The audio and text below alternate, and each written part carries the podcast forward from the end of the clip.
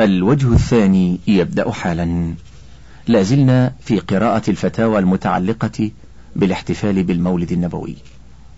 سؤال إخواني في الله أريد من حضراتكم أن تنوروا قلبي في سؤال حيرني عن الحبيب المصطفى محمد رسول الله عليه وعلى آله وصحبه الكرام أفضل الصلاة والسلام. إخوتي في الله إنني أسمع من بعض الإخوة الشيوخ في مناسبة الموالد يقولون بأنه لولا محمد عليه الصلاة والسلام ما خلقت السماوات والأرض وأن الله خلقه قبل آدم عليه السلام بآلاف السنين وأنه سبحانه وتعالى خلق الشمس من نور جبينه وخلق النجوم من نور أسنانه وكثير من ذلك لا أذكر وأنه مكتوب على باب الجنة لا إله إلا الله محمد رسول الله. ولقد سألت بعض العلماء عن هذه الأقوال فصدق بها البعض ونفاها البعض الآخر. وتركوني في حيرتي هذه وإني في حيرة أصدق ذلك أم لا؟ وإني خائف كثيرة وفي حيرة دائمة. وإنني أذكر في ليلة ميلاد النبي صلى الله عليه وسلم هذا العام ذهبت إلى دار القرآن في عمان لإحياء تلك الليلة المباركة. وكان الشيخ حازم أبو غزالة يتلو علينا في سيرة النبي عليه الصلاة والسلام.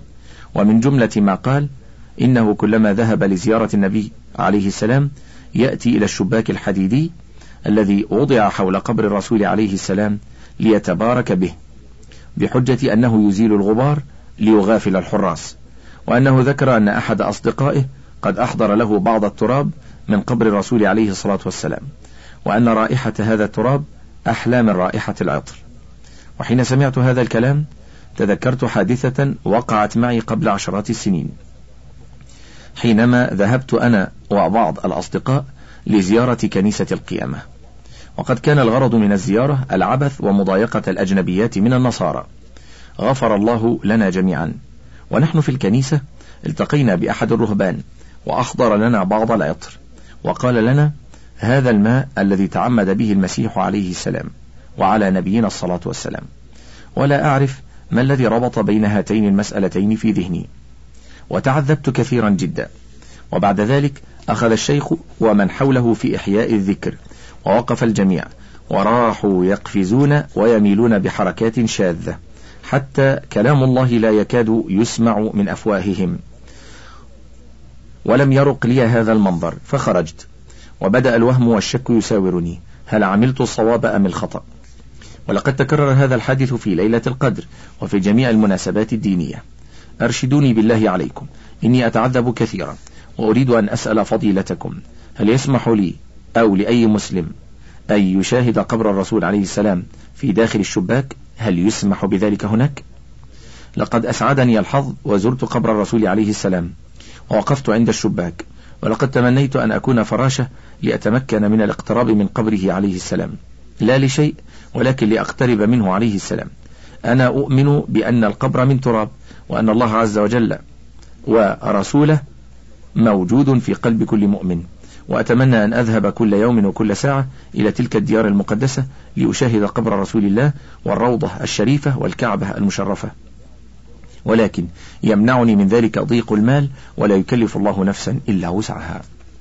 جواب الحمد لله وحده والصلاة والسلام على رسوله وآله وصحبه وبعد. أولا إقامة مولد للرسول صلى الله عليه وسلم بدعة لم يفعلها صلى الله عليه وسلم لنفسه ولم يفعلها أحد من خلفائه ولا من صحابته له صلى الله عليه وسلم ورضي الله عنهم. وقد صح عنه صلى الله عليه وسلم أنه قال من عمل عملا ليس عليه أمرنا فهو رد. ثانيا ما ذكره بعض الناس من أن السماوات والأرض ما خلقت إلا من أجل الرسول صلى الله عليه وسلم وأن خلقه قبل آدم إلى آخر كل هذه الأقوال لا صحة لها مع العلم بأنه سيد المرسلين وأفضل الخلق أجمعين ولكن لا يجوز وصفه بشيء لم يثبت عن الله ولا عن رسوله صلى الله عليه وسلم ولا عن أصحابه رضي الله عنهم. ثالثا إذا زار الشخص الرسول صلى الله عليه وسلم فإنه يأتي إلى القبر ويسلم على الرسول صلى الله عليه وسلم وعلى صاحبيه أبي بكر وعمر رضي الله عنهما.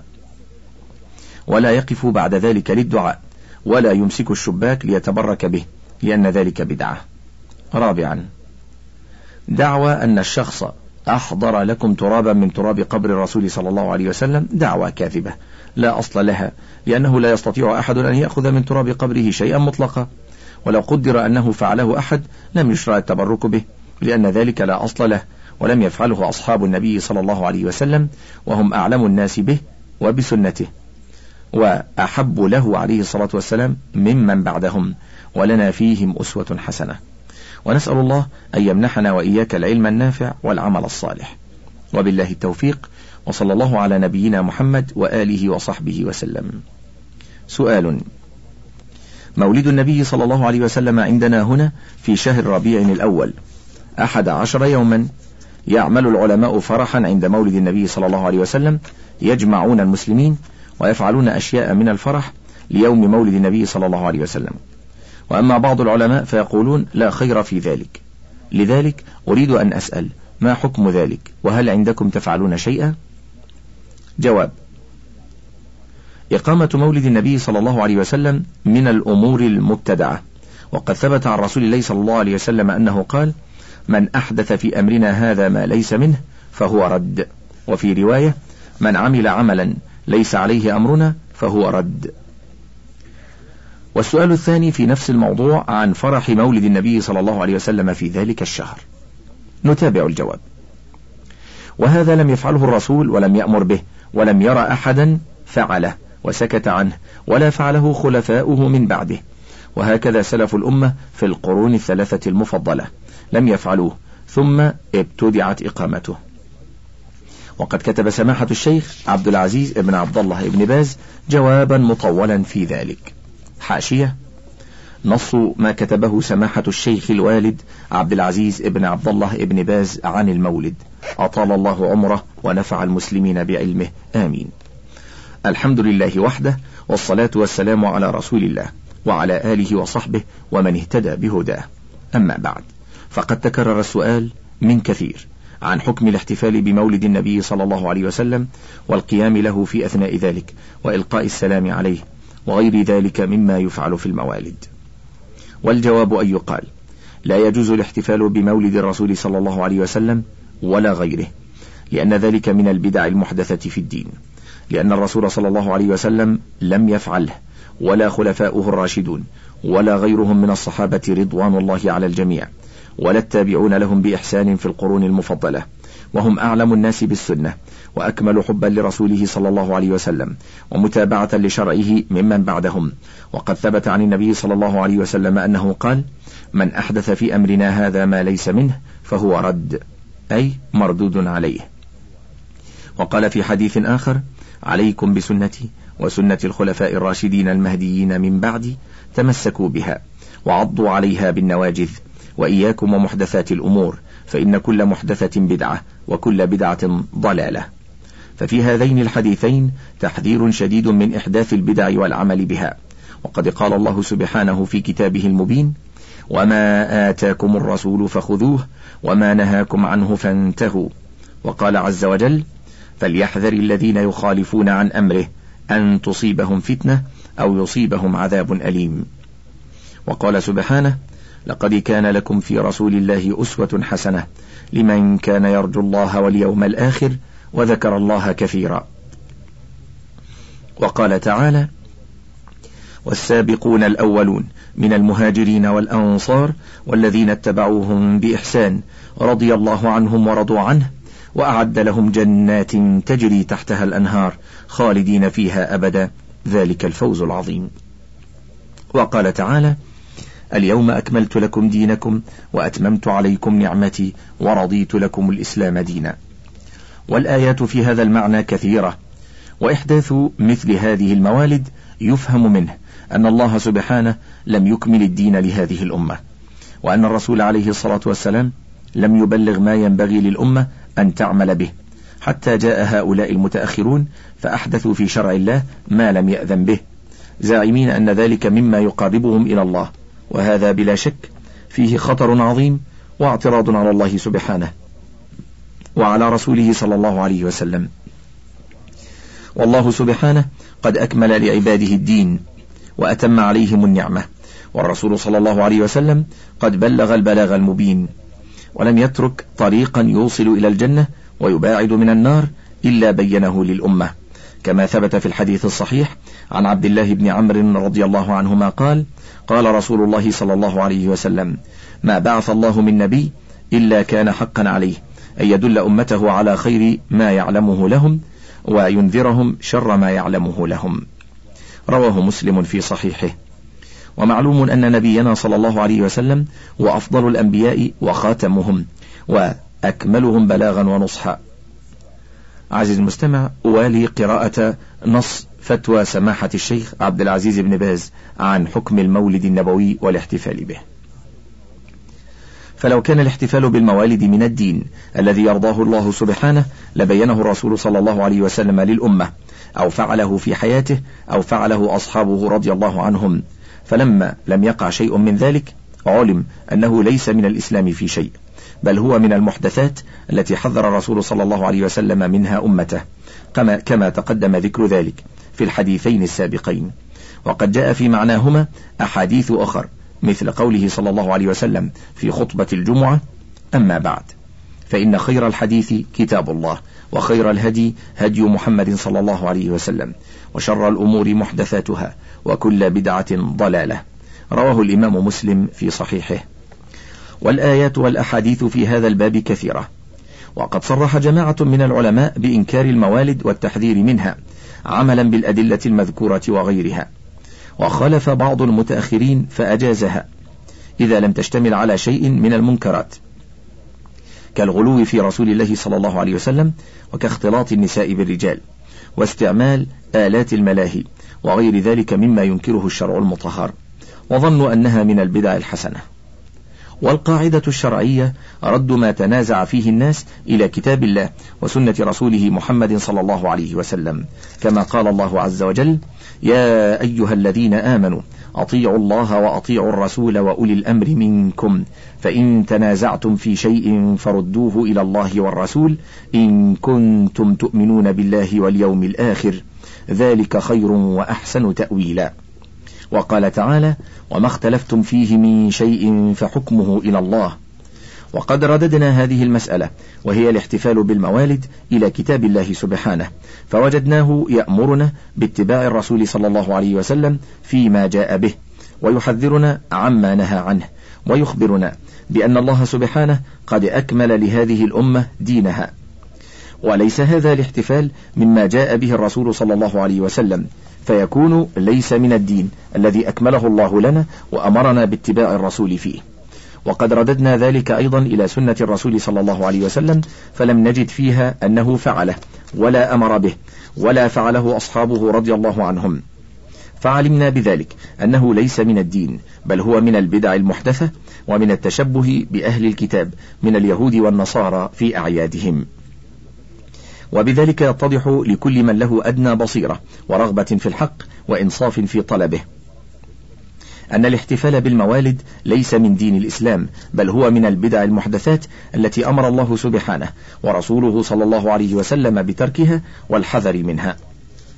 عزيز المستمع والي قراءة الحاشية المشتملة على فتوى سماحة الشيخ عبد العزيز بن عبد الله بن باز حفظه الله ورعاه وأطال عمره ونفع المسلمين بعلمه. آمين. عن المولد النبوي وحكم الاحتفال به. ولا ينبغي للعاقل أن يغتر بكثرة من يفعله من الناس في سائر الأقطار فإن الحق لا يعرف بكثرة الفاعلين وإنما يعرف بالأدلة الشرعية. كما قال تعالى عن اليهود والنصارى وقالوا لن يدخل الجنة إلا من كان هودا أو نصارى. تلك أمانيهم. قل هاتوا برهانكم إن كنتم صادقين. وقال تعالى وإن تطع أكثر من في الأرض يضلوك عن سبيل الله. الآية. ثم إن غالب هذه الاحتفالات بالموالد مع كونها بدعة لا تخلو من اشتمالها على منكرات أخرى كاختلاط النساء بالرجال واستعمال الأغاني والمعازف وشرب المسكرات والمخدرات وغير ذلك من الشرور. وقد يقع فيها ما هو أعظم من ذلك وهو الشرك الأكبر وذلك بالغلو في رسول الله صلى الله عليه وسلم أو غيره من الأولياء ودعائه والاستغاثة به وطلب المدد منه. واعتقاد أنه يعلم الغيب ونحو ذلك من الأمور الكفرية التي يتعاطاها الكثيرون من الناس حين احتفالهم بمولد النبي صلى الله عليه وسلم وغيره ممن يسمونهم الأولياء. وقد صح عن رسول الله صلى الله عليه وسلم أنه قال إياكم والغلو في الدين فإنما أهلك من كان قبلكم الغلو في الدين. وقال عليه الصلاة والسلام لا تطروني كما أطرت النصارى ابن مريم إنما أنا عبد فقولوا عبد الله ورسوله. خرجه البخاري في صحيحه من حديث عمر رضي الله عنه. ومن العجائب والغرائب أن الكثير من الناس ينشط ويجتهد في حضور هذه الاحتفالات المبتدعة ويدافع عنها. ويتخلف عما أوجب الله عليه من حضور الجمع والجماعات ولا يرفع بذلك رأسا ولا يرى أنه أتى منكرا عظيما. ولا شك أن ذلك من ضعف الإيمان وقلة البصيرة وكثرة ما ران على القلوب من صنوف الذنوب والمعاصي. نسأل الله العافية لنا ولسائر المسلمين. ومن ذلك أن بعضهم يظن أن رسول الله صلى الله عليه وسلم يحضر المولد ولهذا يقومون له محيين ومرحبين. وهذا من أعظم الباطل وأقبح الجهل. فإن الرسول صلى الله عليه وسلم لا يخرج من قبره قبل يوم القيامة ولا يتصل بأحد من الناس ولا يحضر اجتماعاتهم بل هو مقيم في قبره إلى يوم القيامة وروحه في أعلى عليين عند ربه في دار الكرامة كما قال تعالى في سورة المؤمنين ثم إنكم بعد ذلك لميتون ثم إنكم يوم القيامة تبعثون وقال النبي صلى الله عليه وسلم أنا أول من ينشق عنه القبر يوم القيامة وأنا أول شافع وأول مشفع. عليه من ربه أفضل الصلاة والسلام. فهذه الآية الكريمة والحديث الشريف وما جاء في معناهما من الآيات والأحاديث.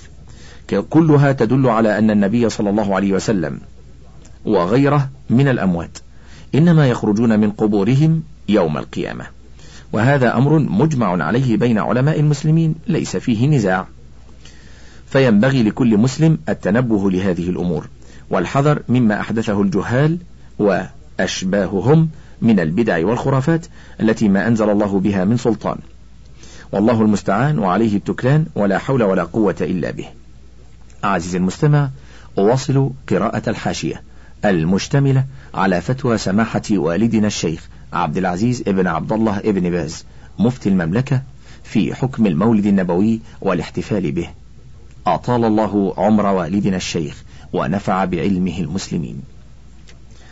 أما الصلاة والسلام على رسول الله صلى الله عليه وسلم فهي من أفضل القربات ومن الأعمال الصالحات. كما قال الله تعالى إن الله وملائكته يصلون على النبي.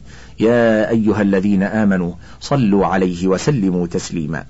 وقال النبي صلى الله عليه وسلم من صلى علي واحدة صلى الله عليه بها عشرا. وهي مشروعة في جميع الأوقات ومتأكدة في آخر كل صلاة بل واجبة عند جمع من أهل العلم في التشهد الأخير من كل صلاة وسنة مؤكدة في مواضع كثيرة منها ما بعد الأذان وعند ذكره عليه الصلاة والسلام وفي يوم الجمعة وليلتها كما دلت على ذلك أحاديث كثيرة. والله المسؤول أن يوفقنا وسائر المسلمين للفقه في الدين والثبات عليه وأن يمن على الجميع بلزوم السنة والحذر من البدعة. إنه جواد كريم. وصلى الله على نبينا محمد وآله وصحبه وسلم. انتهت الحاشية المشتملة على فتوى سماحة الشيخ عبد العزيز بن عبد الله بن باز في حكم المولد والاحتفال به. سؤال: عندنا هنا. إذا مات المسلم يفعلون دعاءه في ذلك اليوم وفي سبعة أيام آتية. يفعلون دعاءه وفي أربعين يوما ثلاث مرات.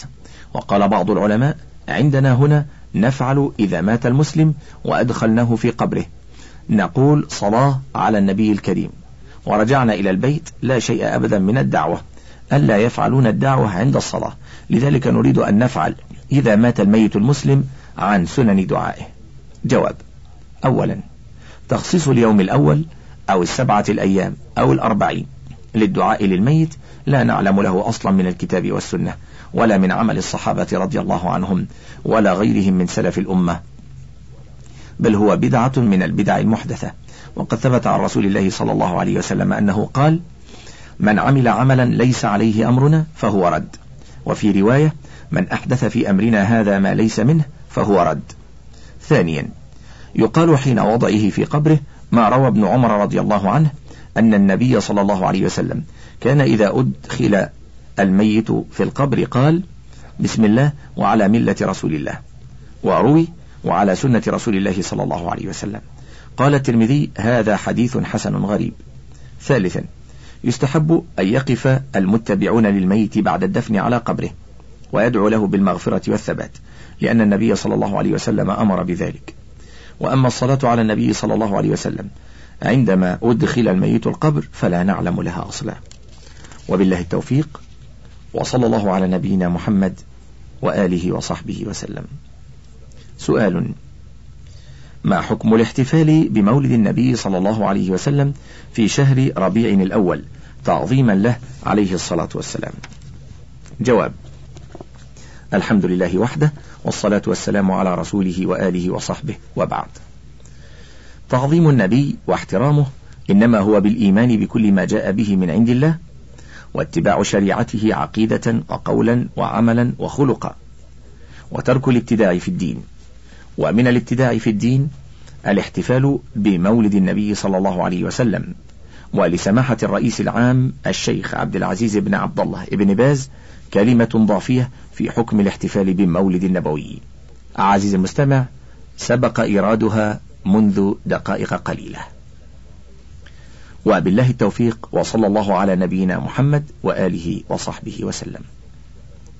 سؤال ما حكم الاحتفال بالمولد النبوي وبليلة الإسراء والمعراج بقصد الدعوة الإسلامية وشعار الإسلام كما يرى في إندونيسيا؟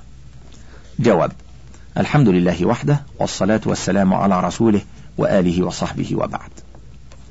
قد دعا النبي صلى الله عليه وسلم إلى الإسلام بالقول والعمل والجهاد في سبيل الله وهو أعرف بطريق الدعوة إليه ونشرها وإظهار شعائره. ولم يكن من هديه في الدعوة وإظهار شعائر الإسلام الاحتفال بمولده ولا الاحتفال بالإسراء والمعراج. وهو الذي يعرف قدر ذلك ويقدره قدره. وسلك أصحابه رضي الله عنهم طريقه واهتدوا بهديه في الدعوة إلى الإسلام ونشره فلم يحتفلوا بذلك ولا بنظائره من الأحداث الكبار. ولا عرف الاحتفال بذلك عن أئمة الإسلام المعتبرين أهل السنة والجماعة رحمهم الله. وإنما عرف ذلك عن المبتدعة في الدين والغلاة فيه كالرافضة وسائر فرق الشيعة وغيرهم ممن قل علمه بالشرع المطهر. فالاحتفال بما ذكر بدعة منكرة لمخالفته لهدي رسول الله صلى الله عليه وسلم والخلفاء الراشدين وأئمة السلف الصالح في القرون الثلاثة المفضلة رضي الله عنهم. وقد ثبت عن النبي صلى الله عليه وسلم أنه قال من أحدث في أمرنا هذا ما ليس منه فهو رد وقال من عمل عملا ليس عليه أمرنا فهو رد وقال إياكم ومحدثات الأمور فإن كل محدثة بدعة وكل بدعة ضلالة الحديث. وبالله التوفيق وصلى الله على نبينا محمد وآله وصحبه وسلم. سؤال ما ترون أبقاكم الله عونا للأمة الإسلامية؟ في تعطيل المدارس والمعامل أو إلقاء الخطب والمحاضرات والمواعظ ونحوها كما هي الحال عندنا في إفريقية بمناسبة المولد النبوي الشريف. جواب الحمد لله وحده والصلاة والسلام على رسوله وآله وصحبه وبعد. الاحتفال بالموالد والتعطيل من أجله بدعة لأن النبي صلى الله عليه وسلم لم يفعله ولا أصحابه رضي الله عنهم. وقد قال النبي صلى الله عليه وسلم من أحدث في أمرنا هذا ما ليس منه فهو رد. وبالله التوفيق وصلى الله على نبينا محمد وآله وصحبه وسلم. سؤال. إخواني رئيس وأعضاء لجنة الفتوى عندنا بقرى الريف الأردني وأخص بالذكر بلدي خرجة أنهم باستمرار يقرؤون سيرة مولد الرسول محمد صلى الله عليه وسلم على النحو التالي. ألف. يجتمع ثلة من الرجال وأحيانا يكون بينهم بعض النسوة ويتلون قصة المولد الشريف. ويوجد بالقصة كلمات مثل من كان اسمه محمد يناديه مناد يوم القيامة من قبل الله قم ادخل الجنة كرامة إلى محمد صلى الله عليه وسلم. ومنها من صلى على محمد صلى الله عليه وسلم ألف مرة حرم الله جسده على النار. ومنها لما تزوج عبد الله والد محمد صلى الله عليه وسلم بآمنة مات بمكة مئة امرأة. لأنهن لم يتزوجن عبد الله. ومنها لما يصل المقرئ إلى ذكر ولادة أمه تقوم المجموعة وقوفا ويكون المولد تلاوة احترام لمحمد صلى الله عليه وسلم ويوجد أكثر من ذلك وأبلغ في مولد يسمى مولد العروي. باء.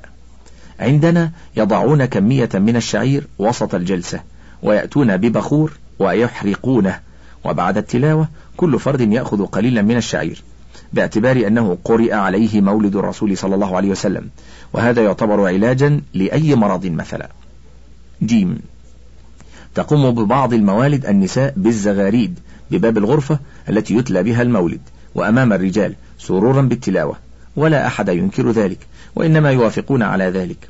وأنا بدوري أنكر ذلك ولا أقره كما سمعت من فتواكم أكثر من مرة بالإذاعة. لكنهم لم يسمعوا مني. جواب الحمد لله وحده والصلاة والسلام على رسوله وآله وصحبه وبعد. أولا قراءة سيرة النبي صلى الله عليه وسلم كلها لمعرفة ما كان عليه من النسك والعبادة قولا وعملا وما كان عليه من الأخلاق الكريمة مشروعة مرغوب فيها. وتخصيص قصة المولد بالقراءة والاجتماع لذلك والمداومة عليه وتخصيص أوقات لقراءته كل ذلك بدعة ممقوتة. لم تكن في عهد النبي صلى الله عليه وسلم ولا القرون الأولى التي شهد النبي صلى الله عليه وسلم لها بأنها خير القرون. وقد ثبت عنه صلى الله عليه وسلم أنه قال من عمل عملا ليس عليه أمرنا فهو رد وقال من أحدث في أمرنا هذا ما ليس منه فهو رد وما ذكرت أنه في قصة الموالد التي تقرأ عندكم من الجزاء الأخروي. وموت مئة امرأة بمكة حينما تزوج عبد الله بآمنة لأنهن لم يتزوجنه لم يثبت تاريخيا ولا عن النبي صلى الله عليه وسلم ولو ثبت تاريخيا لم تقم به حجة على شرعية الاحتفال بالمولد النبوي. ثانيا وضع كمية من الشعير أو غيره وسط الجلسة والتبخير والتحريق وتوزيع ما ذكر رجاء بركته لتلاوة المولد عليه والاستشفاء به والاعتقاد في بركتها بدعة منكرة وفساد في العقيدة. ثالثا إعلان النساء سرورهن بالزغاريد عند تلاوة الموالد واختلاطهن بالرجال من المنكرات والفتن التي قد تفضي إلى الفاحشة والعياذ بالله. وبالله التوفيق وصلى الله على نبينا محمد وآله وصحبه وسلم. سؤال ما حكم الاحتفال بالمولد النبوي؟ وهل النبي صلى الله عليه وسلم يحضر؟ جواب الحمد لله وحده والصلاة والسلام على رسوله وآله وصحبه وبعد. احترام النبي صلى الله عليه وسلم وتكريمه إنما هو بالإيمان برسالته والعمل بما جاء به من عند الله. أما الاحتفال بمولده فبدعة محدثة وقد ثبت عن النبي صلى الله عليه وسلم أنه قال من أحدث في أمرنا هذا ما ليس منه فهو رد ولم يثبت أنه صلى الله عليه وسلم يحضر بعد وفاته عند أحد من الناس والأصل عدم ذلك فيجب البقاء معه حتى يقوم دليل على رفعه. وبالله التوفيق وصلى الله على نبينا محمد وآله وصحبه وسلم. انتهى الشريط التاسع والعشرون من فتاوى اللجنة الدائمة وله بقية على الشريط الثلاثين.